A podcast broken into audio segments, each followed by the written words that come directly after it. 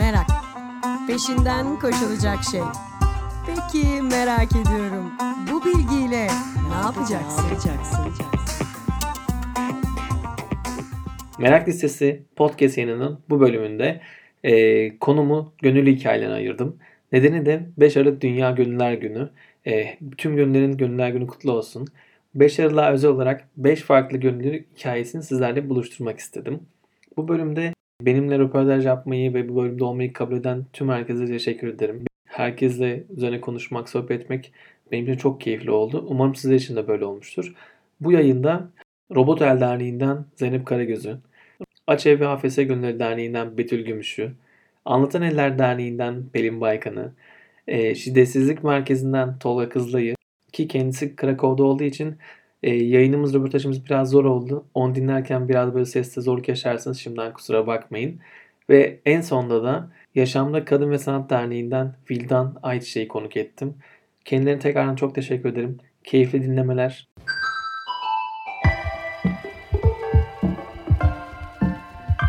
Merak Listesi podcast yayınına hoş geldiniz. Ben Çağrı. Her hafta merak ettiğim bir konuyla sizlerle olacağım. Keyifli dinlemeler.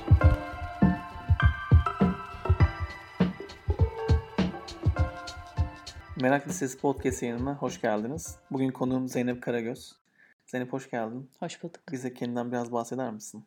Çok kısa aslen mimarım ama şu anda her işi yaparım abinin e, teknolojik versiyonu Pro Maker olarak tanımlıyorum kendimi. Profesyonel maker, yapıcı, disiplinler arası ve kültürler arası ve kurumlar arası, insanlar arası işbirliği projesi geliştirmeyi seviyorum. O yönde çalışıyorum. Harika.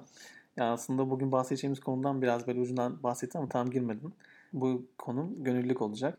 O yüzden gönüllülük hikayen nasıl başladı? Nereden tanıştın ve nasıl aslında gönüllülüğe başladın? Ya, gönüllülük uzaktan bildiğim bir şey idi. Ee, aktif yer almam benim aslında hayatımda e, gezi miladıyla oldu. Apolitik yetişen bir nesil olarak çok fazla böyle aman etliye sütlüye bulaşma oğlum kızım modeli insanlar olduğumuz için daha çok böyle kariyer odaklı, iş odaklı ya da hobin odaklı neyse yani onlara odaklı yetiştik e, biz jenerasyon ve kendi bulunduğum çevre olarak. Fakat Gezi'de zaten bir şeyler yapmayı, üretmeyi seviyorum ama farklı kültürlerden, geçmişlerden, amaçlarla bir araya gelen insanlarla tek bir hedef üzerine birlikte olmanın ve üretmenin keyfini yaşadım. Sadece yani gönüllülük kısmı tabii Gezi'den çıkmıyordu. Gezi'den sonraki sonraki forum şeyinden çıktı, e, modelinden Evet, çıktı. bilmeyenler için Abbas Ağa'da aslında sürekli düzenlenen forumlar versin. Abbas Ağa tarafından Ben? Maçka'daydım. Bir sürü yerde başladı. Bazıları kalıcı, bazıları geçici oldu. Abbas Ağa'ya gittim, baktım çok bana göre genç geldi açıkçası. Ondan sonra baktım Maçka'da benim demografiye daha uygun. Ondan sonra, ama yine de çok çeşitli insanlar vardı. Çok farklı e, kültürel, politik, ekonomik e, geçmişlerden gelen insanlar bir arada ya bu memleket için ne yapabiliriz, mahallemiz için ne yapabiliriz, insanlar için ne yapabiliriz diye konuşurken bir kere birlikte söz söyleme adabını öğrendim bir. İkincisi orada beraber beraber yani başka yerlerden insanlarla aşure kazanı kaynattık. Gittik e, sokak hayvanları için bir şeyler yaptık barınakta. İşte kadın hakları için yürüyüş yaptık. LGBT için bir şeyler yaptık falan derken onlarla birlikte bir şey yapma fikri beni çok fena halde gaza getirdi. Gönüllülük hayatım öyle başladı yani. Kesinlikle. Yani Gezi aslında birçok kişi için milat yani. Çünkü düşününce Türkiye'nin seçim süreçlerinde en çok etkilen kurumlardan bir tanesi oy de Abbas forumlarındaki sohbetler sırasında başlayan bir şey. Ve aslında birçok kişiyle konuşma gönüllülük için Türkiye'de yeniden canlanmayı sağlayan belki de Türkiye'de %5 gönüllülük var diyoruz. Yani gönüllü bilenler de %12 civarında çok düşük bir rakam. Bunun artmasını sağlayan birçok şeyi tetiklemiş Tabii oldu. canım yani ben mesela o sene e, hem oy ve ötesinde gönüllü oldum. Yani daha önce bir şeylik vardı böyle gitmiştim seçimde gözetmenlik yapmıştım ama oy ve ötesinde gönüllü oldum. Barınakta gönüllü oldum. Kadınlarda gönüllü oldum. Hep bir kere başladı mı bulaşıcı çünkü. Kesinlikle. Ondan sonra da hatta Robotel'e doğru gelen bir serüvenim var. Şu anda Türkiye'de Robotel'in hem yüzüsün hem onun Evet. kurucularındansın.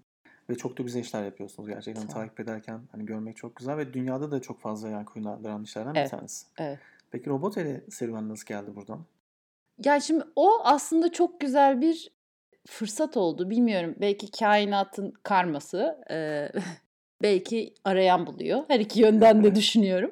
Bir yandan gönüllülük işi yapıyoruz, bir yandan teknolojiyle e, bir takım projeler üretiyoruz. Bu ikisini birleştirdiğimiz bir şey olmamasının eksikliğini hissediyoruz içsel olarak ama yani bunun için özellikle bir şey yapıyor halde değildik. Fakat üç boyutlu yazıcı teknolojisini kullanırken insanlara bunun bakın sizin hayatınızı değiştirecek diye de, diyebileceğimiz proje bakıyorduk.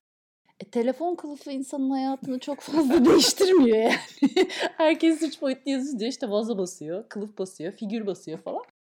Yani gerçekten değiştirecek bir şey ararken tam o dönem dünyada da yeni filizlenmekte olan Enable the Future diye bir hareketle karşılaştık.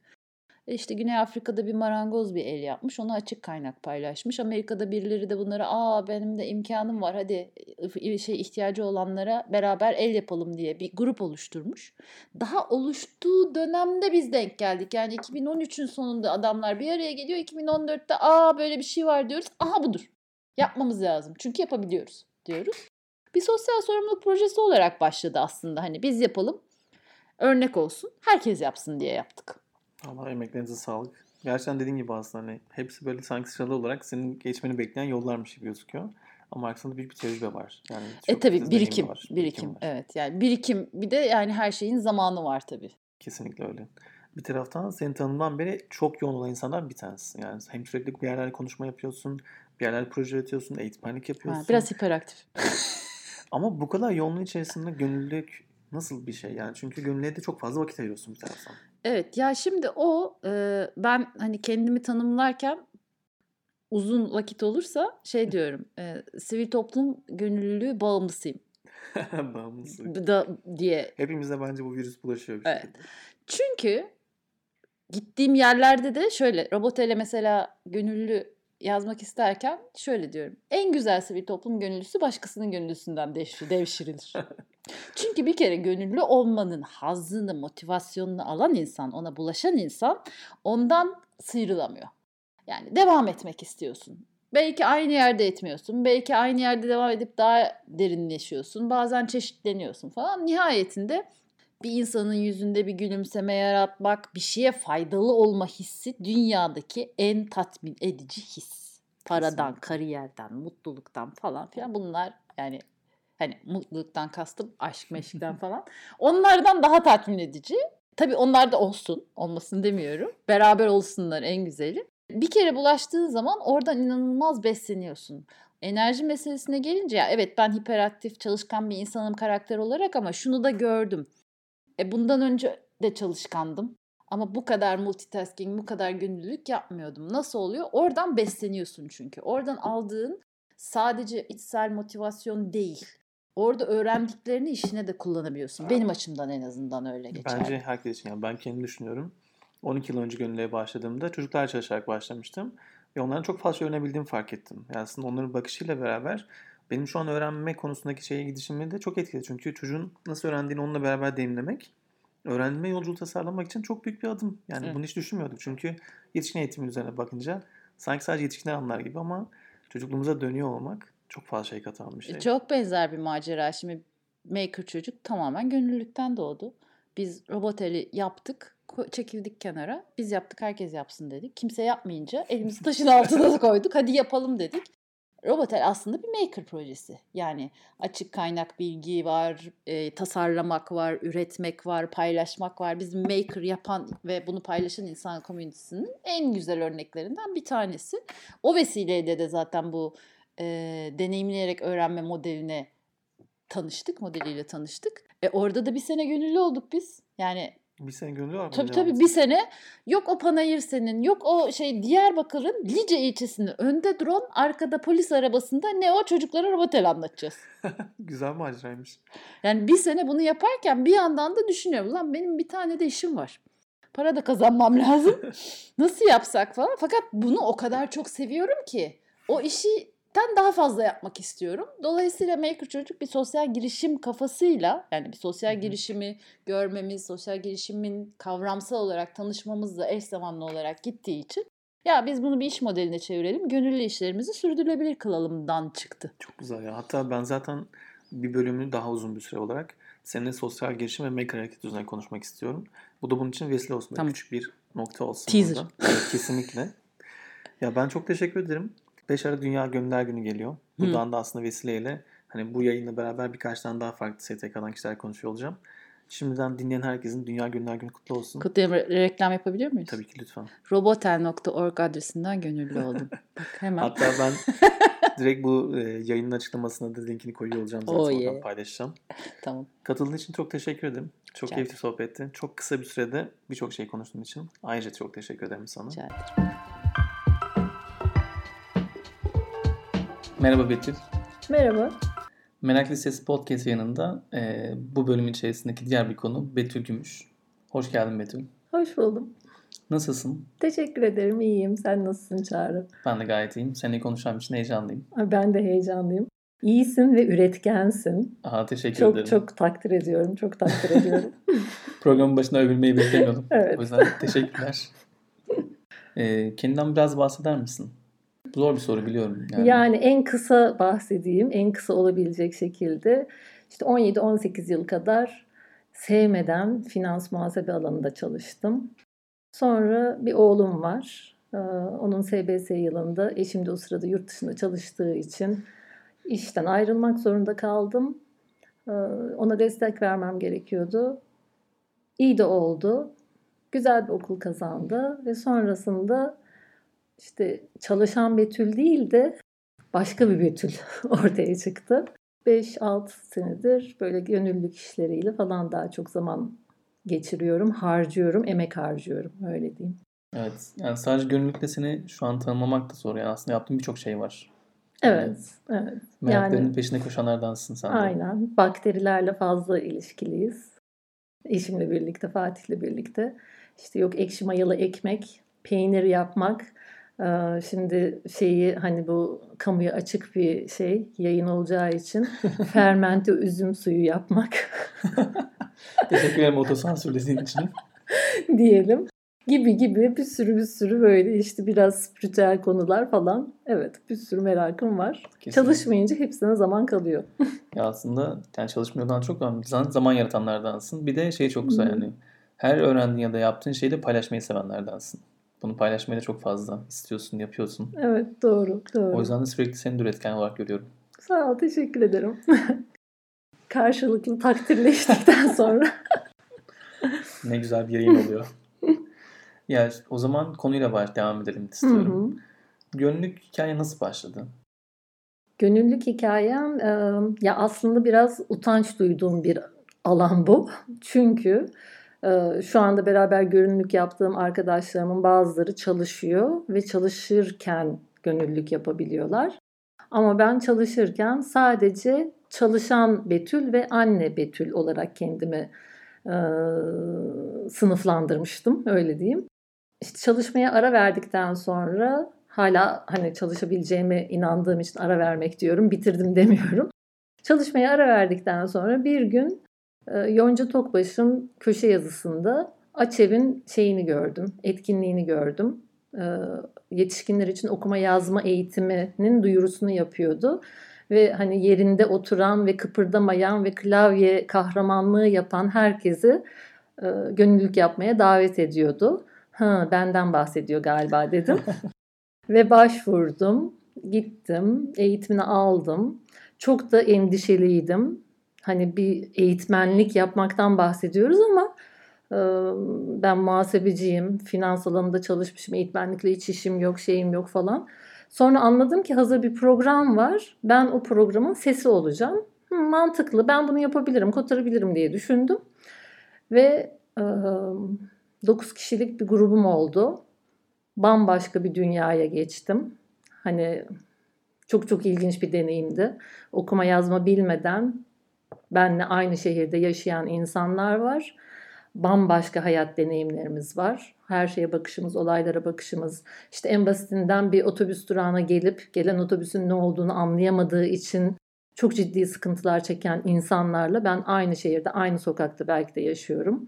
Çok böyle hani hayata bakışım değişti. Ee, ve sonrasında da zaten AFS ile tanıştım. O da bambaşka, hala Evet. süre gelen bir hikaye. Bir taraftan biraz önce bahsettiğin hani ben eğitmen nasıl olabilirim falan derken şu anda da AFS'de de eğitmenlik yapmaya başladın. Hatta uluslararası eğitmenlik yapıyorsun. Yani yani evet bambaşka kapılar açtı. Yani şey bazen tesadüf var diye düşünüyorum ama bazen de yok diyorum ama sanırım değil galiba. tesadüf değil herhalde. Merak hepsinin altı. Burada söylediğin şey çok kıymetli. Gerçekten de aslında düşünmüyoruz bazen. Kendi balonlarımız içerisinde yaşarken etrafımızdaki insanlar nelerle uğraştı, nelerle zorluk yaşadığını fark etmiyoruz. Yani geldi Evet. otobüsü ne olduğunu okuyamamak Evet. dediğim bir şey. Ki hala hani yapılan araştırmalarda e, şeyi çok net görüyoruz. Okuma yazma bilmeyenlerin %86'sı kadın hala. Evet, evet maalesef. Maalesef. Ve daha çok çalışmaya, daha çok gönüllüye ihtiyaç var bu konuda. Daha daha çok farkındalığa ihtiyaç var. Ee, Bir seçimde mesela şunu görmüştüm. Karşılaştığım şey müşahitlik yaptığımda.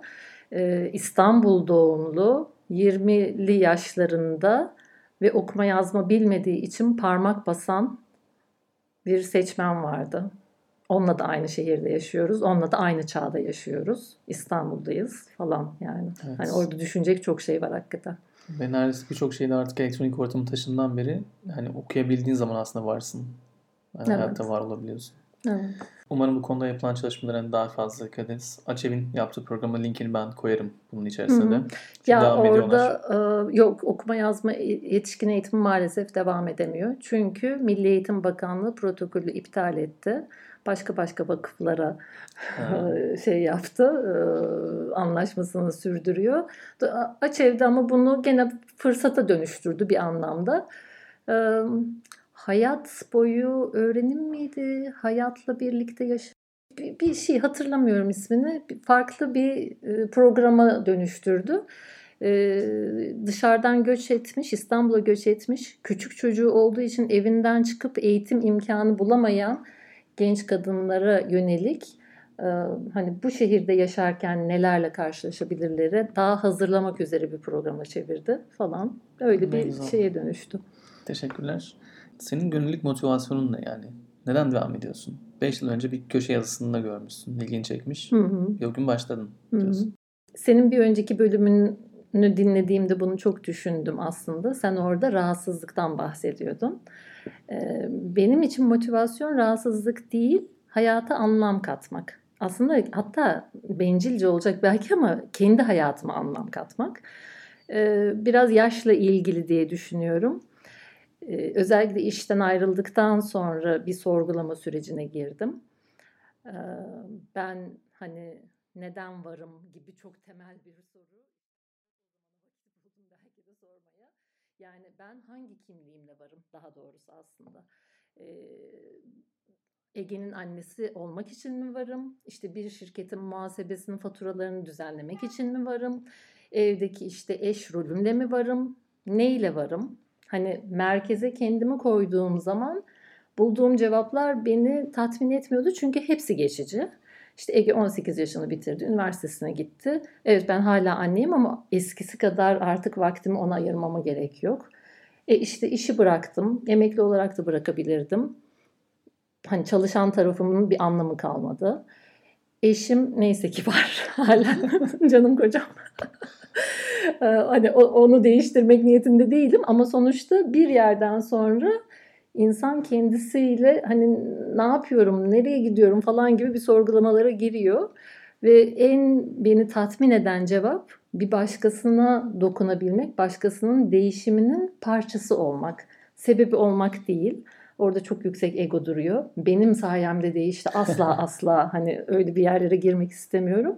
Ama o kişinin değişiminin parçası oldum. Ona şahit oldum diyebilmek bana müthiş bir tatmin veriyor. Yani çok çok çok farklı bir şey. Ee, O yüzden ım, hani neredeyse full time çalışan gibi gönüllülük modundayım şu anda. Zaten öyle oluyor yani. Gönüllüye bir kere kaptırdığın zaman kendine bir daha geri duramıyorsun. Hep şey yapmak Evet. istiyorsun. Evet. Bir de tarifinde şey de benzer. Hani bahsetmiştim bir önceki bölümde de Ubuntu kelimesi. Güney. Afrika dilindeki. Evet, evet, İnsan evet, ancak bir başka insanla evet, olabiliyor, kendisi olabiliyor diye. evet. Gerçekten çok değerli bir şey yani. Ve özellikle toplumlara baktığımızda bireysellikle bireyselleşme arttığında ki artık hani herkes kendisinin aslında daha iyi versiyon olmaya çalışmaya başladığında bu anlam arayışları bizi çok fazla sorgulatıyor. Hı Ve galiba birçok insan da yani Türkiye gibi bir yerde gönüllülük sayısı çok az olduğu için anlamını bulan ya da kendisini bu hayattaki bir şey için bir parçası olarak hisseden sayısı da azalıyor. Çünkü gönüllülükle tanışmayan çok büyük bir kitle var. Onların şey bir, bir anlam kargaşası var diye düşünüyorum. Şimdi simbiyotik bağ bilirsin sen hani e, yani genelde hani e, bitkiler ve hayvanlar için falan kullanılır ama aslında biz insanlar için esas kullanılması lazım diye düşünüyorum. E, fiziksel olarak olmasa da ruhsal olarak kesinlikle birbirimize ihtiyacımız var. Ve bu bizi böyle öğretilmiyor, anlatılmıyor ve dahası hani anlatılmasına da gerek yok. Anlatılsa bile görerek deneyimlediğimiz, gördüğümüz şey bu değil kesinlikle. Ee, nasıl bir yaman çelişki ki e, aslında ihtiyacımız olan şeyi biz işte ayrıştırıyoruz, ötekileştiriyoruz, sınıflandırıyoruz, eleştiriyoruz. Yapıyoruz da yapıyoruz. O yüzden orada çok ciddi bir çelişki var, bir kısır döngü var. Oysa ki beni daha iyi hissettirecek olan şeyi ben kendi ellerimle, düşüncelerimle kendimden uzaklaştırmış oluyorum. Halbuki beraberiz, aynı gemideyiz. Birbirimize çok faydamız olabilir, desteğimiz olabilir. Bilmiyorum yani orada orada bir herhalde insanların anlaması, kavraması gereken bir şey var. Onun da bir zamanı var. Bir bilinçle ilgili, farkındalıkla ilgili. Evet, o çok zor bir şey çünkü rekabet dediğimiz şey için herhangi bir grubu ikiye bölmek yeterli oluyor. Evet. Yani bunun hiçbir sebebine ihtiyaç yok. Yani Evet. bazen işte mesela sağda oturanlar, solda oturanlar sonra bir bakıyoruz ki politik görüşe dönüşmüş oluyor. Evet. Solcular ve sağcılara dönebiliyor. Evet. Ya da taraftar gruplar içerisinde birisi şunu tutuyor, biri bunu tutuyor. Ya da sivil toplumda da bunu çok denk gelebiliyorum. Yani aslında o birleşmeyi, birlikte bir şey yapmaya ihtiyacımız artarken sivil toplum örgütlerine birbirleri rekabet ettiklerine şahit oluyorum. Türkiye'de sivil toplumu bazen sorgulatmaya doğru beni götürüyor.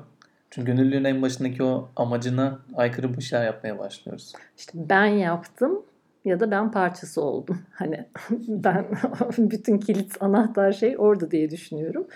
Ee, Ama hani içinde bulunduğumuz şeyi düşünürsem trendleri, şeyleri, eğilimleri bir tüketim döneminden geçiyoruz. Umuyorum ki bu tüketim döneminin artık hani normalde sonuna gelemeyecek idiysek de hani bu kapitalist düzen daha fazla yürünecek çok aşikar. Düzen biteceği için o dönemde bitecek diye umuyorum kendi kendime. O zaman şeye referans vermek istiyorum. Ee, Eric Fromm'un kitabı 70'lerde yazdığı bir kitap. Ee, Sahip olmak veya olmak. Sahip olmanın peşinde koşmayı bırakıp bir şey olmanın peşinde koşunca herhalde aynı düzlemde buluşacağız diye Ne söylersem acaba onları dışlamış olur muyum diye şimdi kendime Bence gayet güzel bir mesajdı. yani. Peki böyle son olarak da şeyi sorayım. Gönüllülük sana neler kattı? Ya da ne kattı? Hani neler kattı diye sorayım. Daha fazla yol olduğunu biliyorum çünkü. Hangilerini paylaşmak istersin? Şey bir kere her şeyden önce ben hani muhasebeci olarak çalışmışım. 17-18 yılımı öyle geçirmişim. Muhasebecilik ne demek? İşte neredeyse hani o şey karakterize edilir ya şöyle gri kollukları olur. işte dönen kollu bir hesap makinesi şeysi falan yani falan öyle öyle şeyler aklıma geliyor hala. İnsanlarla ilişki, iletişim anlamında ben sadece evrak işi yapan birisiyken şimdi gönüllülükte hani evraklarla değil insanlarla iletişimim var. Ee, ve gönüllüyüz, hepimiz gönüllüyüz. Gönüllü olarak bir grubu motive etmeye çalışmak, onlarla birlikte çalışmak, bir şeyler üretmek. Ya bunlar çok farklı kas, öyle diyeyim. Hani iş hayatımda hiç kullanmadığım kaslarımı şu anda aşırı kullanmaktan yorgun düşmüş durumdayım bir parça. Çok çok farklı kaslar kullanılıyor bu alanda. İletişim becerim hani her zaman iyiydi diye düşünüyorum ama başka bir şey buradaki. Yani bir grup e, tabii ki egolar var, onlar var, bunlar var, farklı yapılar var, beklentiler farklı olabilir. Böyle bir grupla biz aynı hedef için koşuyoruz. Çok ilginç bir manzara. Hakikaten çok ilginç bir manzara. Allah yüreğine sağlık. Gerçekten. Ben gönüllü olarak seni tanıdığıma çok memnunum. Yani çok fazla şey kattın. Çünkü benim de böyle bir dönemde kendi içimdeki anlam kaygısı yaşa- yaşarken Seninle konuştukça aslında bir şeyler bende de farklı bir yere doğru gitmeye başladı. Tekrar umut doğdu bende de. Ay çok mutlu oldum. Onun için ayrıca teşekkür ederim. çok mutlu oldum. Teşekkür ederim. Ee, bugünlük bu kadar diyelim mi? Evet. Başka evet. bir zaman daha detaylı belki konuşuruz üzerine bir şeylerin. Evet 15 dakika yaklaştı. 15 dakika olmuş. Evet. Tamam sustum artık. Çok teşekkürler Betül katıldığın için. Teşekkür ederim Çağrı'cığım. Görüşmek üzere tekrardan. Hoşçakal.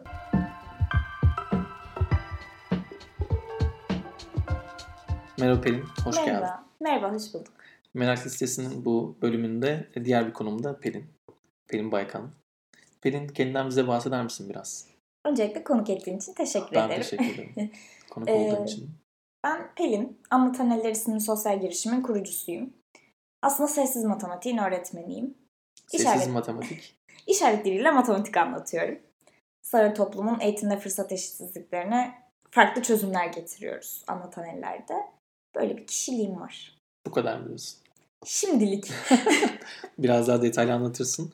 Hatta ben de zaten anlatan ellerin hem web sitesine hem de işte çalışmanızı koyarım. Hani seninle aldıklarımı hangisini koyacağımı söylersin. Çünkü hani katılmak isteyenler varsa Hı hı. onlar da bunlardan faydalansın. Ee, o zaman başlarken hemen diğer sorumu sorayım. Gönüllük hikaye nasıl başladı? Benim gönüllülük hikayem üniversitede başladı. Öğrenci kulüpleriyle başladı aslında. Hangi kulüple başladın? Medya Birliği ile başladı. Medya Birliği. Aynen. Yani alanım matematik normalde lisansım matematikti ama benim böyle hep medyaya bir ilgim olmuştur kişisel olarak. İşte üniversitede sosyal medya kulübünü görünce ben öyle bir başladım gir- giriş yaptım. Hem sosyal medya alanında Hı. işte farklı şeyler keşfetmeye başladım. İki sene kaldım orada bu arada. Uzun süreymiş. Tabii. İki sene kaldım. O iki senenin içerisinde iki günlük şey yaptık. Sosyal medya festivali. Türkiye'de bayağı büyük ve ses getiren bir şey oldu üniversite kulüpleri Peki sadece üniversite için miydi bu yaptığınız? Üniversite öğrencilerine mi genele mi çıktı? Üniversite öğrencilerine yönelikti ama tabii dışarıdan alımlarda yapıyorduk. Farklı üniversitelerde etkinlik yapıyorduk. Orada da şey, üniversitelerin işte giriş çıkışlarında hani kontrollerde sıkıntı yaratır mı yaratmaz mı kısımlarıydı.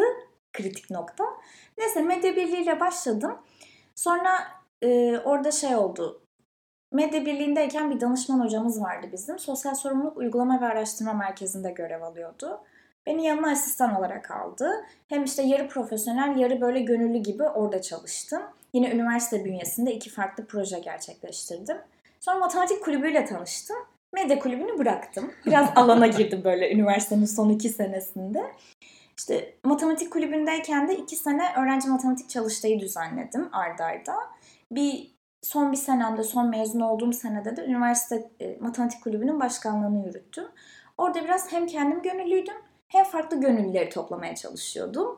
Hani biraz daha böyle ekip içi motivasyon, işte hocalarla beraber yapabileceğimiz farklı alternatif çalışmalar diye diye ben 4 yıl boyunca üniversitede o gönüllülük deneyimimi yaşadım. Vallahi ne güzel. Yani ben üniversitedeyken gönüllü olmak için yerler çok az gibi geliyor, geliyordu. Özellikle öğrenci kulüplerinin sayısı çok azdı. Öyle bir içimde kalan bir ukde var orada. Son senemde ancak yani gönüllüye doğru gidebildim Sen, üniversitedeyken. sen de İstanbul Üniversitesi İstanbul değil mi? Üniversitesi'ndeyim. Biz aynı Ama üniversitedeyiz. Evet, ben biraz daha geç girip hani şey, Hmm. erken giriş olup geç bitirenlerdenim. Üniversiteyi 8 yılda bitirmenin getirdiği bir şey var. 8 yılda güzel bir başarıymış aslında. Zor zor bir süreç geçti. Peki e, yani öğrenci gruplarından başladın ki sosyal medya şimdi şeyi fark ettim aslında yani Antalya'lara baktım çok iyi bir sosyal medya tarafı var. Aslında oradan geliyormuş demek gönüllü olarak. Evet, Bir teşekkürler. E, bu bende böyle yerine oturan bir taş gibi oldu. Bir taraftan peki nasıl sonra Antalya'lara doğru geldi ya da sessiz matematiğe doğru Hı. geldi? Ee, işte üniversitenin son senesinde böyle ben şeydim hani 4 yılda bitireceğim dedim ben bu arada bu okulu girdiğim zaman. Ben 4 Ben yılda değilim. bitirdim. ben 4 yılda bitirdim. Şimdi mezun olmam. Alttan iki tane dersim var. İşte toplam kaç derste bilmiyorum hatırlamıyorum.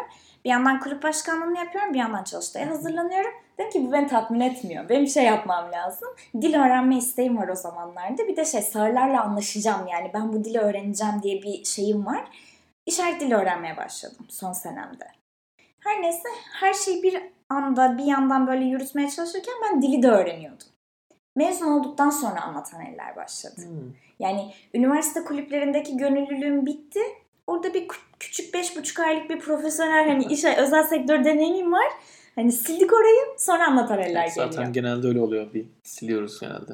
Peki anlatan eller e, o zaman 2016 yılında başladın. Mezuniyetten 5,5 ay sonra diyorsun. Aynen. Peki nasıl başladı o macera? Yani anlatan eller ismi nereden geliyor mesela? Yani ellerimle anlatmak çok hoşuma gitti zaten ilk bu dili öğrenirken. Çünkü işaret dili şey bir şey böyle kendi bedeninizi ve mimiklerinizi keşfettiğiniz bir şey. O zaman dedim ki yani hani güzel bir şey ben burada devam edeyim. Sonra eğitimde fırsat eşitsizliğini fark ettim. Bir sağır arkadaşım benden yardım istedi. Matematik çalıştırır mısın diye. Ben de tamam dedim. Ama orada şey gördüm yani hani o kadar büyük bir eşitsizlik var ki yani biz işte fonksiyonları vesaireleri görürken sağır toplum yetişkin bireyler özellikle 18 yaş ve üzerindekiler toplam işleminde problem yaşıyorlar. Yani ben dedim bunu çözeceğim. Ben bunu çözmek zorundayım. Çünkü yok içim rahat etmez. Alanım matematik çok çok severek yaptığım bir şey. E bu dile de sonradan aşık olmuşum. Büyük bir tutkum olmuş. Büyük, bu iki tutku birleşecek diyerek başladı. Oradan da anlatan de oldu ve şu anda gerçekten de hani hikayen çok değerli bir hikaye. Çünkü ben de mesela işte gönüllülük podcast'ın başında şey demiştim yani aslında rahatsız olma durumu var genel olarak. Çünkü bir şey değiştirebileceğimizi gördüğümüz anda özellikle de kendi deneyimlerimize yakınsa çözümleri daha kolay görebiliyoruz. Ve genelde tabii hani toplumda birçok kişi bunu görse de bir başkasının yapmasını bekliyor. Ama sen bu konuda adım attığın için öncelikle tebrik ederim. Teşekkür Çünkü gerçekten fark yaratan bir insansın. Ee, peki bir de şeyden bahsettin. Yani bu podcast yayından önce sohbet ederken engellerle ilgili yaptığın çalışmalardan bahsettin. Özellikle yüksek lisans tezinde de. Bu çalışmadan bahsetmek ister misin biraz? Detaylandırabilir misin? Teşekkür ederim. Ya şöyle, ben yüksek lisansın master toplum kuruluşlarından yaptım.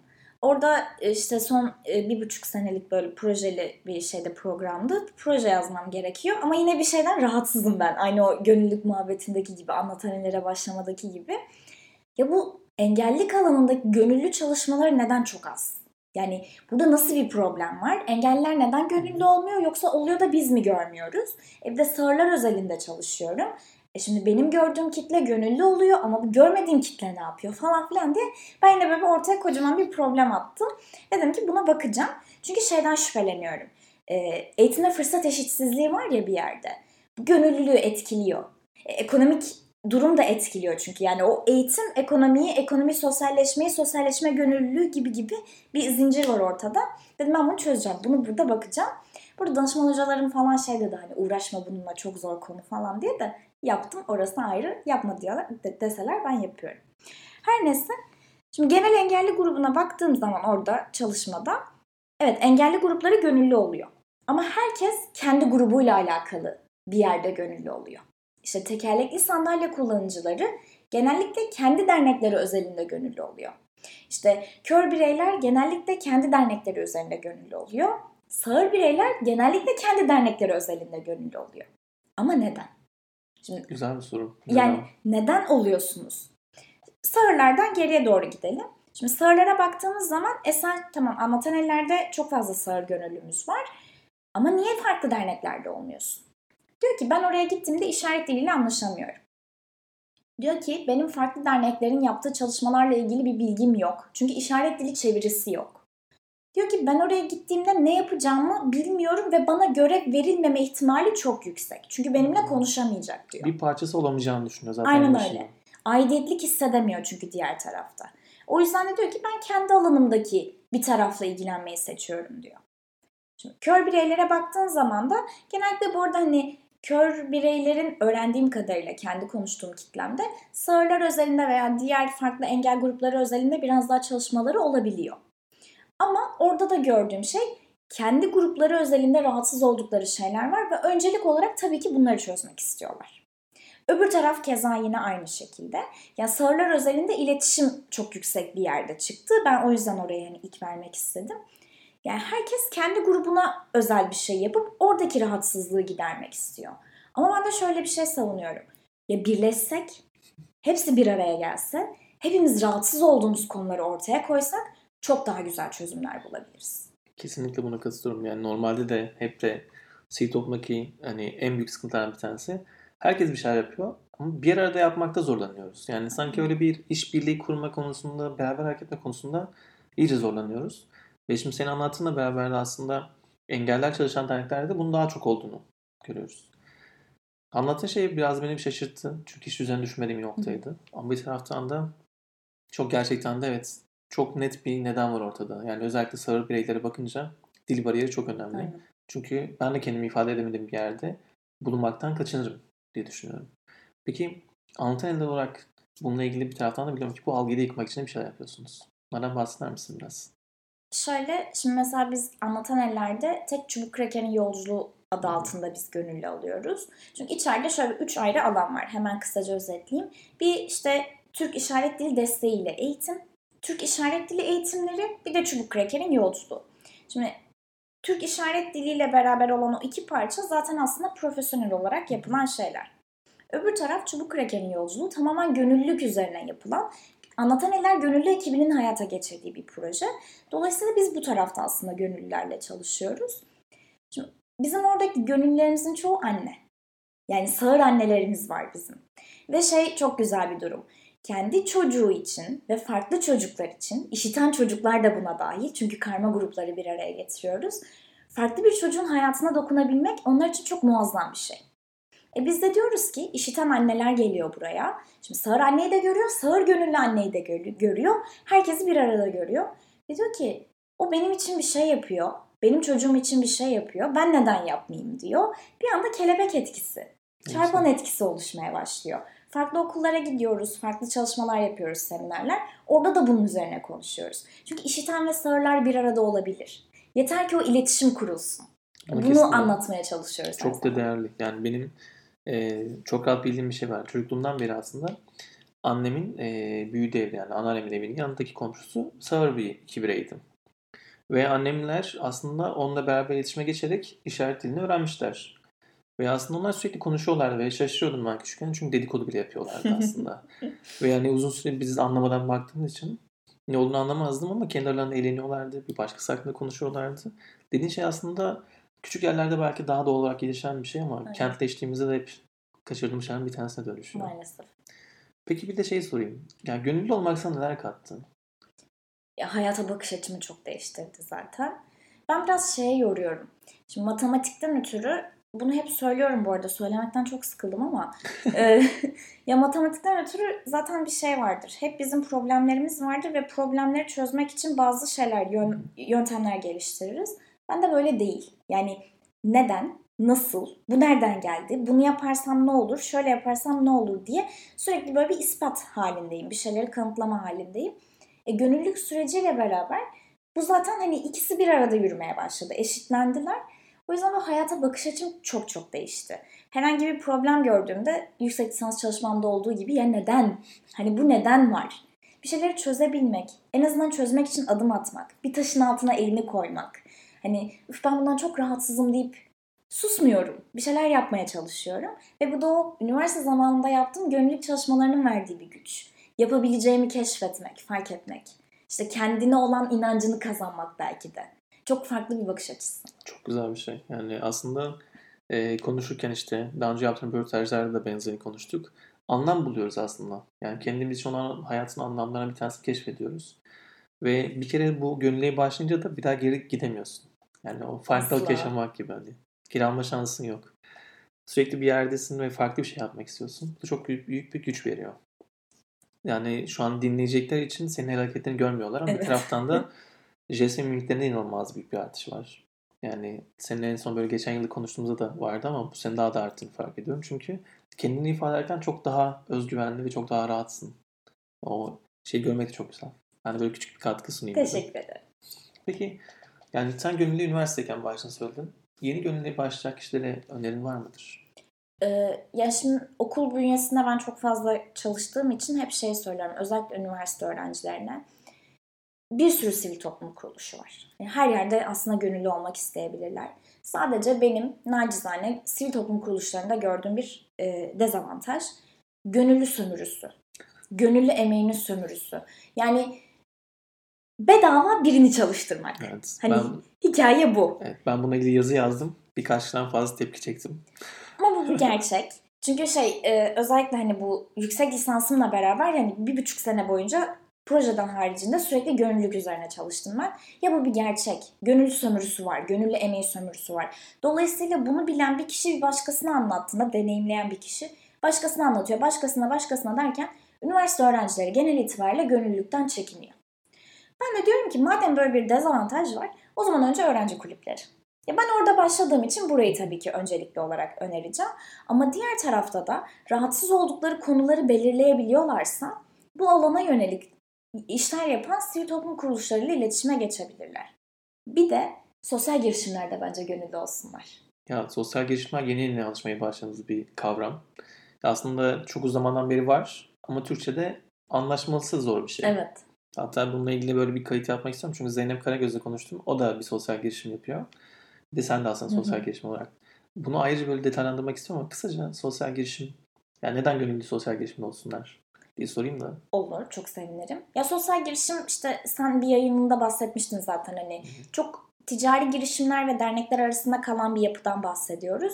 Derneklerin problem çözmesini, işte ticari girişimlerin karını alıyor. Ortaya bir de sürdürülebilirlik ekliyor ve bir çalışma yapıyor aslında. Sürdürüle, sürdürülebilir olması sosyal girişimleri bence anlamlı kılan şey. Kesinlikle. Ve gönüllülük süreci başladığında bitmiyor ya. Aslında görülen bir problemin o sürdürülebilir çözümlerine giden yolda bir kişi gönüllü olursa yani bence hayatı çok çok farklı değişir. Kesinlikle öyle. O yüzden belki de işte o hayatını değiştirecek olan, onu heyecanlandıran o şeyi bulması lazım. Konuyu bulmak Aynen çok önemli. Bugün benimle bu sohbeti yaptığın için çok teşekkür ederim Pelin. E, zaten detaylar içerisinde hani koyuyor olacağım hem web siteni. Ayrıca bir taraftan hem Başarılı Dünya Gönüller Günü. Onu Hı hı. kutlayalım. Zaten bu yine o amaçla yapıyorum. Ama bir taraftan da iki gün öncesi yani 3 Aralık tarihi de Dünya Engelliler Günü aslında. Evet. Ve senin bununla ilgili de çok güzel bir projen aslında olacak o Hı günde. hı. Ee, dijital okulu açıyoruz 3 Aralık e, Dünya Engelliler Günü'nde. Kutlamıyoruz, farkındalık yaratıyoruz. Ama 5 Aralık Dünya Gönüllüler Günümüz kutlu, Kutlu olsun. Çok teşekkür ederim. Katıldığın için ayrıca tekrar Ben teşekkür, teşekkür ederim. ederim çağırdığın için.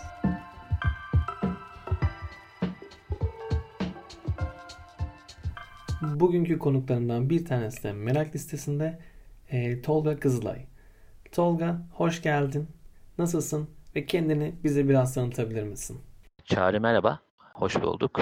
Tabii bahsederim. Ee, ismim Tolga, İstanbul Üniversitesi İşletme Fakültesinden mezunum. Sonrasında da Bilgi Üniversitesi'nde İnsan Hakları Yüksek Lisansı e, programını tamamladım. Üniversite yıllarından beri e, çeşitli sivil toplum kuruluşlarında gönüllülük yapıyorum. Hatta üniversite yıllarında başladığım gönüllülük e, iş hayatımı da şekillendirmiş oldu. E, şimdilerde de Krakow'da bir proje için bulunuyorum. Bir 45 gün için geldim buraya. Ee, yarısını tamamladım sayılır. Yavaş yavaş ikinci yarıya geçiyorum. Tolga Krakow'da olmak eminim çok güzeldir. Çok heyecanlı. Bu projenin gönüllü projesi olması da konumuza da çok yakın olduğu için ayrıca sevindim.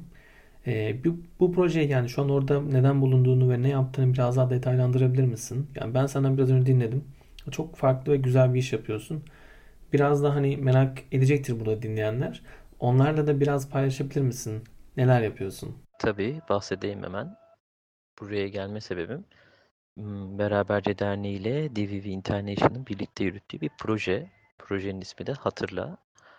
Benim geldiğim ise bu Hatırla projesinin bir parçası. Hafıza mekanları programı.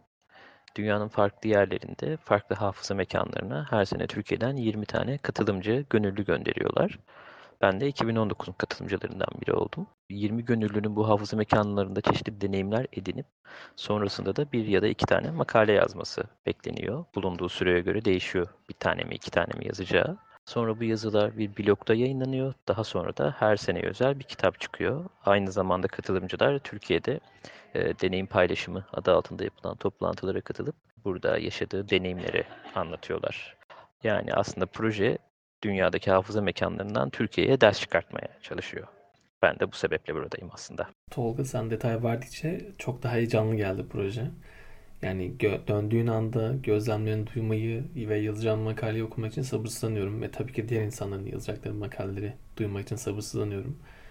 Peki gönüllülük hikayen nasıl başladı? Yani gönüllü olmaya nasıl karar verdin? İlk olarak neler yaptın? Biraz bunlardan bahsedebilir misin? Tabii bahsedeyim. Kendimi tanıtırken de bahsetmiştim. Üniversite yıllarında başladı aslında. İlk nasıl karar verdim sorusu aslında e, bir tık zor bir soru benim için. Yani o zaman sorsan şey derdim herhalde. Ya dünyayı değiştirmek istiyorum derdim. Ama şimdi geçmişe dönüp baktığımda e, belki de kendimi değiştirmek istemişim. O yüzden oradaymışım. E, çeşitli sosyal kulüpler olur üniversitelerde. Ben de bunlardan birinin parçası olayım istiyordum. Böyle bir e, kulüp haftasıydı. Kulüplerin kendini tanıttığı, neler yaptığını anlattığı çeşitli standlar açıyorlardı üniversitede. Bir tanesi de Toplum Gönülleri Vakfı'nın standıydı. E, o standa giderek başladım aslında. E, orada tanıştık. İlk birkaç toplantıya katıldım. Beraber neler yapabiliriz, ne yapmalıyız diye konuştuğumuz. Daha sonra işte üniversiteli gençler olarak e, Avcılar Yereli'nde bir proje gerçekleştirmiştik. E, engelli bireylerle ilgili farkındalık uyandırdığımız bir projeydi bu. Sonra yine bölgedeki bir okulun duvarlarını boyamıştık. E, başka bir okula gitmiştik sonrasında. Sanırım ilk yaptığım, katıldığım en azından etkinlikler bunlardı. Ya Tolga söylediğin nokta çok güzel. Sanırım hepimizin ilk amacı böyle dışarıyı, çevremizi, dünyayı değiştirmek üzerine başlayan bir gönüllülük serüveni var. Ancak sonra farkında olmadan kendimizi dönüştürmeye doğru evriliyor. Kendimizi değiştirmek istiyoruz. E, yani diğer yaptığım röportajları dinleyecekler hani seninle olan sohbetimize gelene kadar. Ve gönüllülük serüveni başlarken hani herkesin benzer bir hikayesi olduğunu görecekler. Hani bu beni oldukça şaşırtıyor. Çünkü herkes farklı bir yerden başlıyor ama hikayede buraya doğru bir değişim, bir evrilme söz konusu. Senin baştan gönüllük sevdiğin şiddet merkezine doğru dönüştü. Orada çok güzel işler yapıyorsunuz. Ben takip ediyorum ve çok severek takip ediyorum.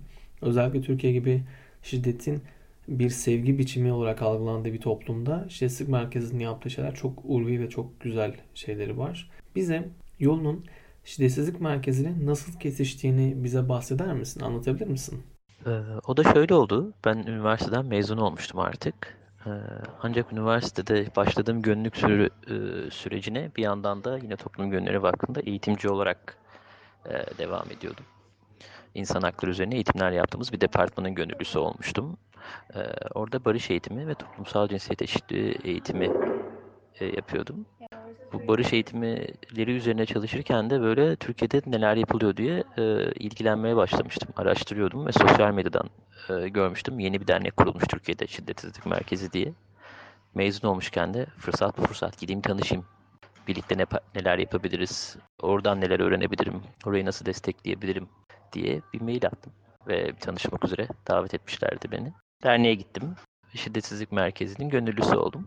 Birkaç ay sonra da açılan bir pozisyonda aslında çalışmaya başladım. Şiddetsizlik Merkezi'ne giderken böyle aklımda şey vardı. Ya işte biz barış diyoruz ama galiba onlar şiddetsizlik diyor ama hani çok bir farkı yoktur diye düşünerek gitmiştim. Ama gittiğimde öğrendim ki şiddetsizlik merkezi evet barış çalışmaları yapıyor tabii ki ancak biraz daha spesifik bir konu üzerine çalışıyor. Genel olarak yine eğitimler, antrenmanlarla politikasını yürütüyor. Politika yapan ya da sivil toplum kuruluşlarıyla bir araya gelerek onların şiddetsiz yöntemlerle nasıl çalışacağı üzerine çalışmalar yapıyor. Bir yandan araştırmalar yürütüyor. Bir yandan çeviriler yapıyordu. Ben de bu süreçlerin bir parçası oldum. Ee, o zamanlar yapılan bir şiddetsiz eylem veri tabanı araştırması vardı. Ee, onun bir parçası olarak internetten Türkiye'deki şiddetsiz eylem türlerini araştırmaya başladım. Ee, daha sonra da e, eğitmen ağının eğitimcilerinden biri oldum. Ve eğitimler yapmaya başladım. Hem sivil toplum kuruluşlarıyla ama bir yandan da ben zaten başka bir alanda çalışmaya da devam ediyordum. Başka bir sivil toplum kuruluşunda e, öğrencilerle toplumsal cinsiyet temelli bir çalışma yapıyorduk. Toplumsal cinsiyet eşitliği bir temelli. Şiddetsizlik bütün çalışmalarımın bir parçası olmaya başladı. Çünkü eğer sivil toplum kuruluşlarındaysanız ya da sivil toplum alanındaysanız şiddetsizlik meselesi bir şekilde size dokunan bir alanda bir yerde oluyor. Ya çok haklısın. Yani şu anda ben de sizin yayınlarınızı çok sık takip ediyorum. Yani işte merkezinin e, yayınladığı işlevsizlik el kitabını okuyorum ve yararlanıyorum. Yani yöntemleri neredeyse her eğitimde e, koymaya çalıştığım bir şeye döndü. Özellikle şiddetsiz iletişim aldığımdan beri şiddetsizlik ve şiddetsiz iletişim ikisi neredeyse eğitimlerden ayrılmaz bir parça gibi benim için. E, o yüzden kesinlikle katılıyorum. Her yerde olması gerekiyor ve hani ilk duyduğumda ve yöntemleri gördüğümde ya bu işler mi falan dediğim şey şu anda neredeyse her yerde olması gerektiğini düşündüğüm bir şey döndü. Çünkü çok büyük bir güce sahip yani dönüştürücü bir güce sahip. E, bu yüzden de çok iyi hissettiriyor. Bir de seninle biz Açev'de tanıştık. Yani Açev'in toplumsal cinsiyet eşliği için bir seminer ekibi oluşturuyordu. Orada tanıştık. Ve ilk yolumuz kesişmiş. Ee, bir taraftan da sen de çok farklı yerler gönüllülük yapıyorsun. Ve şu anda karakolda da gönüllü olarak bulunuyorsun. Ya senin bu motivasyon nereden geliyor? Yani senin gönüllü olmaya, farklı sivil toplum kuruluşlarında gönüllü olmaya teşvik eden şey nedir, nelerdir? Evet, eee, ya farklı birçok alanda gönüllülük yapmış oldum ama eee, bana soracak olursan iki tane böyle ana tema etrafında çalışıyorum sanırım gönüllülük yapmaya başladığımdan beri. İşte birisi barış çalışmaları, şiddetsizlik çalışmaları, diğeri de toplumsal cinsiyet eşitliği. Niye böyle bir motivasyon var? Eee, niye böyle işler yapıyorum? Eee, çünkü şuna inanıyorum. Eğer hepimizin farklı farklı idealleri var ve idealinde başka dünyalar varsa o dünyalara ulaşmanın yolu da bu yolun bir parçası olmaktan geçiyor. Yani bir şeyler yapmamız gerekiyor. Ee, beni aslında böyle iten, işte beni bu alanda gönüllülük yapmaya devam ettiren fikirlerden bir tanesi bu. Eğer değişim istiyorsam ben de değişimin parçası olmak durumundayım. Bu sebeple de bu motivasyonla da e, gönüllülük yapıyorum diyebilirim. Ya Tolga motivasyonuna sağlık. Ayrıca emeklerine de sağlık. Ya peki yeni gönüllü olmak isteyenler için e, neler söylemek istersin? Yani biliyorsun ki Türkiye'de gönüllü oranları çok düşük. Ve yani birçok insana gönüllü olmaktan e, çekiniyor. Hatta kaçınabiliyor. Yayını dinleyen ve ya da dinleyecekleri önerebileceğin neler var? Yani gönüllü olmakla ilgili. Şunu yapın ya da bunu yapmayın desen bunlar neler olurdu? Yeni gönüllü olacak arkadaşlara ya da olmak isteyen arkadaşlara şunu söylemek isterim elbette. Herkesin bir hayali var. Ee, o hayal üzerine çalışan da mutlaka bir yer vardır diye düşünüyorum. Ee, öncelikle bu hayalin tam olarak ne olduğunu bulmak. Daha sonra da o hayalin peşinden koşanlarla beraber koşmak e, en büyük adım olurdu. Ama tabii ki bunun cevabını vermek kolay değil. Ya ben tam olarak ne istiyorum, ne yapsam, nerede bulunsam, e, kimlerle birlikte olsam diye düşünüyorsanız eminim etrafta sosyalleşebileceğiniz bir sürü sivil toplum kuruluşu, e, bir sürü sivil toplum örgütü vardır e, ulaşabildiğiniz. Onlara ulaşıp onlarla birlikte yola başlamak. Yoldayken de zaten kendi yolunuzu çizmeye başlayacaksınız muhtemelen. E, hayalinizdeki dünyanın peşinden koşmak e, sanırım söyleyeceğim olurdu. E, bunu yaparken de tabii ki şeyi unutmadan en büyük kazancımız kendimizi değiştirebilmek. Süreçteki her şeyden ders çıkarmak. Biz de e, bu dünyanın bu dünyanın normlarından kurtulmuş insanlar olarak büyümüyoruz toplumda. Eğer şiddetten rahatsızsak muhtemelen o şiddetin parçasıyız aynı zamanda. Bunu fark etmek ve bununla mücadele etmek e, en büyük attığımız adım olurdu herhalde. Kesinlikle öyle. Çok daha güzel işler için birlikte olmak beni heyecanlandırıyor. Yani sivil toplumun en güzel yanı da birileri tanıştıkça genişlemek, büyümek, olgunlaşmak ve asıl istediğimiz o amaca doğru çok daha büyük ve emin adımlar atıyor olmak. Ee, o yüzden gerçekten de böyle olacağını bilmek iyi hissettiriyor. Krakow'a İstanbul'dan çok selamlar. Ee, tekrardan teşekkür ederim Tolga katıldığın için. Görüşmek üzere. Hoşçakal.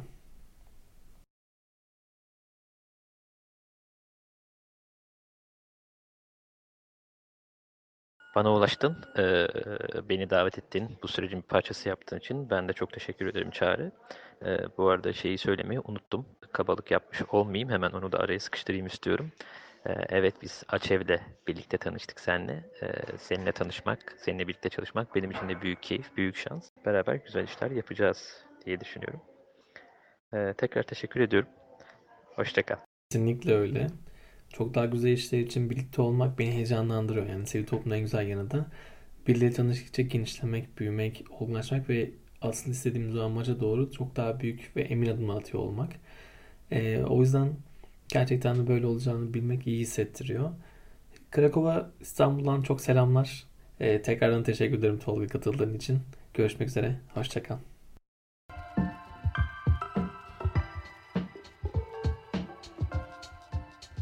Merak Lisesi Podcast yanında gönüllü hikayelerini bir diğer konu Vildan Hanım. Hoş geldiniz. Merhaba, hoş bulduk. Nasılsınız? Teşekkür ederim. Siz nasılsınız? Ben çok iyiyim. Çok da heyecanlıyım sizinle konuştuğum için. Ben de Evet. çok heyecanlıyım. Ne güzel. Peki bize kendinizden bahseder misiniz? Benim böyle belki heyecanınızı biraz azaltır. Benim adım Vildan Ayçiçek. Ee, Yaşamda Kadın ve Sanat Derneği'nin kurucularındanım ve yönetim kurulu başkanlığını yürütüyorum. Başka ne söylememi istersiniz? Sizin neler söylemek istersiniz? Kadın insan hakları alanında çalışmalar yürütüyoruz ve toplumsal cinsiyet eşitliği. Tekrardan çok teşekkür ederim beni kabul ettiğiniz için. Peki Vildan Hanım gönüllü hikayeniz nasıl başladı? Benim gönüllü hikayem yaklaşık 20 sene önce başladı. Hayatımda bazı şeylerin ters gittiğini fark ettim. Ve bununla ilgili bir arayışa girmiştim açıkçası. O arada kadın hareketiyle tanıştım. Diyarbakır'da yaşıyordum. Ee, kadın hareketiyle tanışmak bir dönüm noktası oldu benim için. Ee, yalnız olmadığımı gördüm ve e, gerçekten benim gibi düşünen insanların var olduğunu gördüm. Ve kadın hareketinin çalışmalarına katıldım. Kamer Vakfı'nın Diyarbakır'da. Bu çalışmalara katılmak bana çok iyi geldi. Öncelikle birey olduğumu fark ettim ve yaşadığım e, sorunların üstesinden gelebileceğimi fark ettim ve güçlenmeme vesile oldu bu çalışmalar. E, bu çalışmalara katıldıktan sonra gönüllü olarak bu çalışmaları ben yürütmeye başladım. Fark ettiğim şeyleri diğer kadınlara da fark ettirmek üzere yola çıktım. E, gönüllülük hikayem böyle başladı ve o günden bugüne e, 20 sene geçti. Valla çok güzel bir süre. Gönüllü çalışmalardan sonra bir de profesyonel çalışma dönemi oldu. Ama şöyle bir şey, gönüllü olmazsanız o çalışmayı yapamıyorsunuz. Gönülden yapmanız gerekiyor. Gönüllülük budur benim için. Bir derdiniz vardır. Ee, Ya sizin yaşadığınız ya da çevrenizde e, yaşanılan bir durum vardır. Ve bunu değiştirmek, dönüştürmek için bir çaba içine girmek istersiniz. Ve böyle başlar diye düşünüyorum ben. Yani bir derdiniz vardır. O yüzden gönüllü olursunuz diye düşünüyorum. Çok güzel söylediniz. Ben de işte gönüllü şeyinde kendimden bahsederken orada rahatsız olmaktan bahsetmiştim. Çok yakın aslında birbirine. Ve gerçekten hayatla ilgili bir derde ihtiyacımız var. Bir, bir şeyden rahatsız olmamız lazım. Dediğiniz gibi de bazen biziz, bazen çevremizdekiler, yakın çevremizde ve bizi harekete geçiriyor. Peki 20 yıl önce başladığınız hareket işte Yaşamda Kadın ve Sanat Derneği'ne 20 yıl sonra gelsem yaklaşık bir yıl olacak şimdi bahsettiğiniz gibi kurulalı. Evet. e, Oraya iki- nasıl geldi? Mart ayında iki, iki Pardon. yılımız bitiyor. Ne güzel. Oraya nasıl geldi? Çok güzel bir soru. Ben 10 sene gönüllü ve çalışmalar yaptıktan sonra ve profesyonel çalışmalar bir dönem ara verdim. Çünkü kadına yönelik şiddet alanında çalışmak çok zor. Ve o ara artık ben sivil toplumda çalışmayacağım gibi bir şeyle bıraktım. Çok e, tüketen bir şeydi. Bir dönem ara verdim ama tabii ki bu gönüllülük hiçbir zaman bitmedi. Gene çevrenizde e, yaşanan şeyler var ve bir anlamda kadınlara dokunuyorsunuz. Bir şey oluyor orada yani.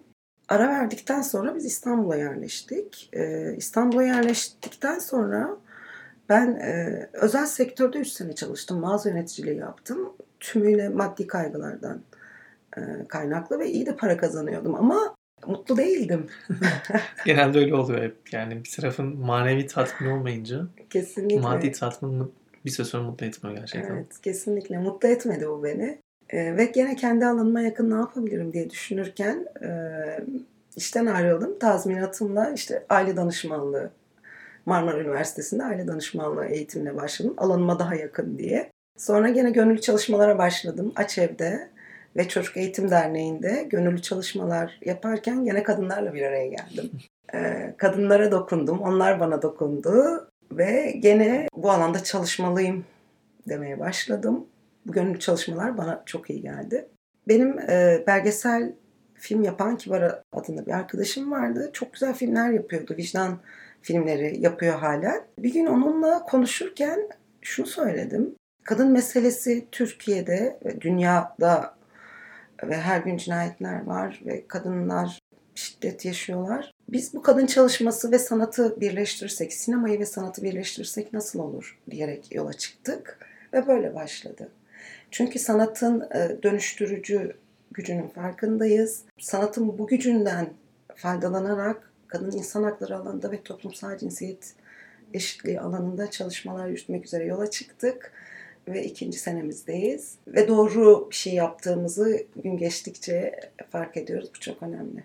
Tebrik ederim tekrardan. İkinci yılınızdasınız. Teşekkürler. Ee, çok fazla aslında dernek, hani Türkiye'de sivil toplumun sayılarına baktığımızda da gönüllülük oranı çok az. Çok az insan gönüllü hala biliyor. Ve bu alanda devam ediyor olmak, bu anda heyecan duyuyor olmak çok önemli. Sizin motivasyonunuz nedir? Benim motivasyonum şu yani sonuçta bir şey ya yaşıyorsunuzdur ya da çevrenizde bir şey görmüşsünüzdür ve bu sizi rahatsız eder. E, Bir derdiniz vardır. Bu, be- benim bir derdim vardı ve ben beni gönüllülüğe iten de buydu aslında. Bu, bu derdime öncelikle kendi derdime çare bulmaktı. Sonrasında da gönüllü olarak bunu yaymak gibi bir derdim oluştu. Ve bugüne kadar geldi. Bugünkü derdim de aynı. Gene e, fark ettiğim ya da hayatımda değiştirip dönüştürmüş olduğum şeyleri etrafımdaki e, kadınlara da yaymak gibi bir derdim var. Ne güzel. Betül de bunu sizinkine biraz daha şöyle aldı söyledi. Biraz bencilce dedi. Kendimi gerçekleştirmek istiyorum dedi. Kesinlikle. Yani kendimle önce anlam bulmak istiyorum. Kesinlikle. Hayatın anlamını. Ondan sonra bunu yaparken de farklı kişilere katmak istiyorum. Kesinlikle çok haklı Betül. Ee, öncelikle kend- kendimiz için bir şey yapıyoruz.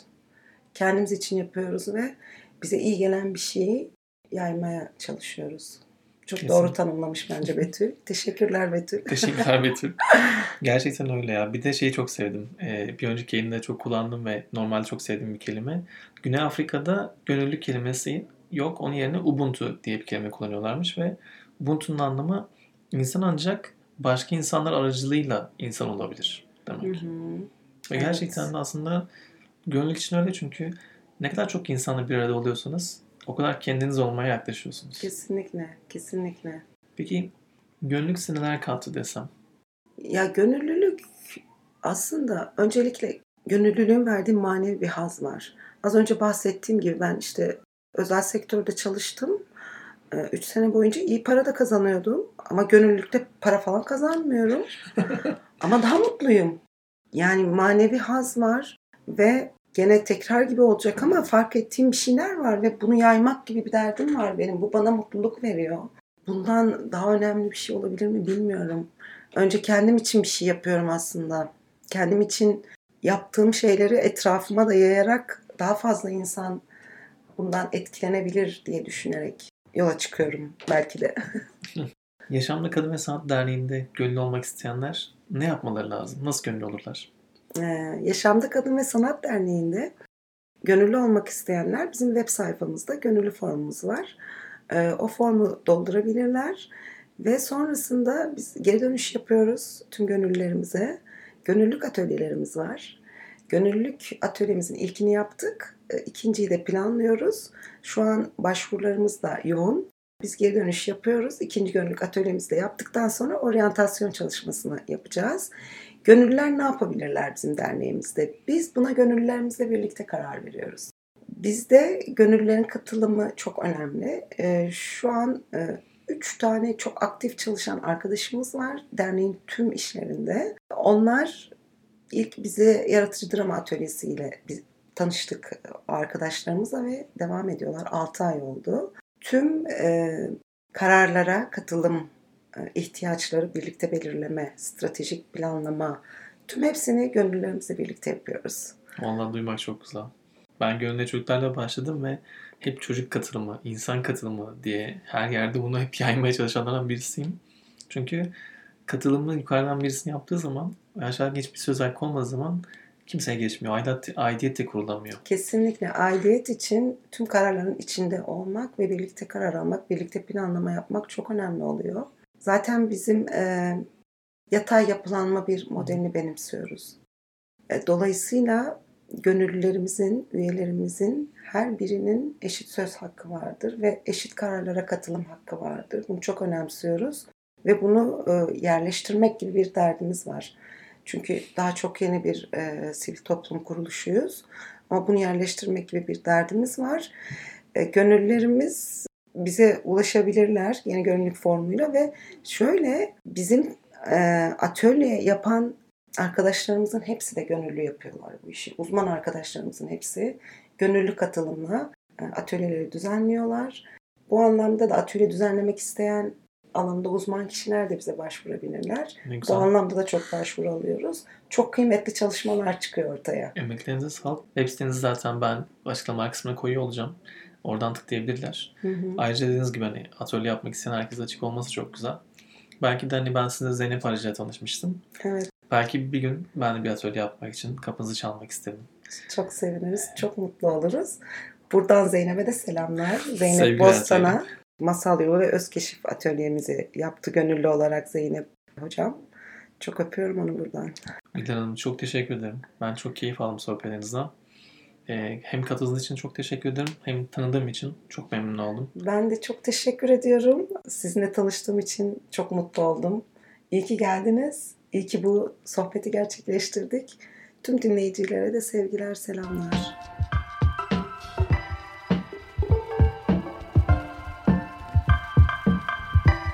Merak Listesi podcast yayınını dinlediniz. Bir sonraki bölümde görüşmek üzere. Heyecanla kalın.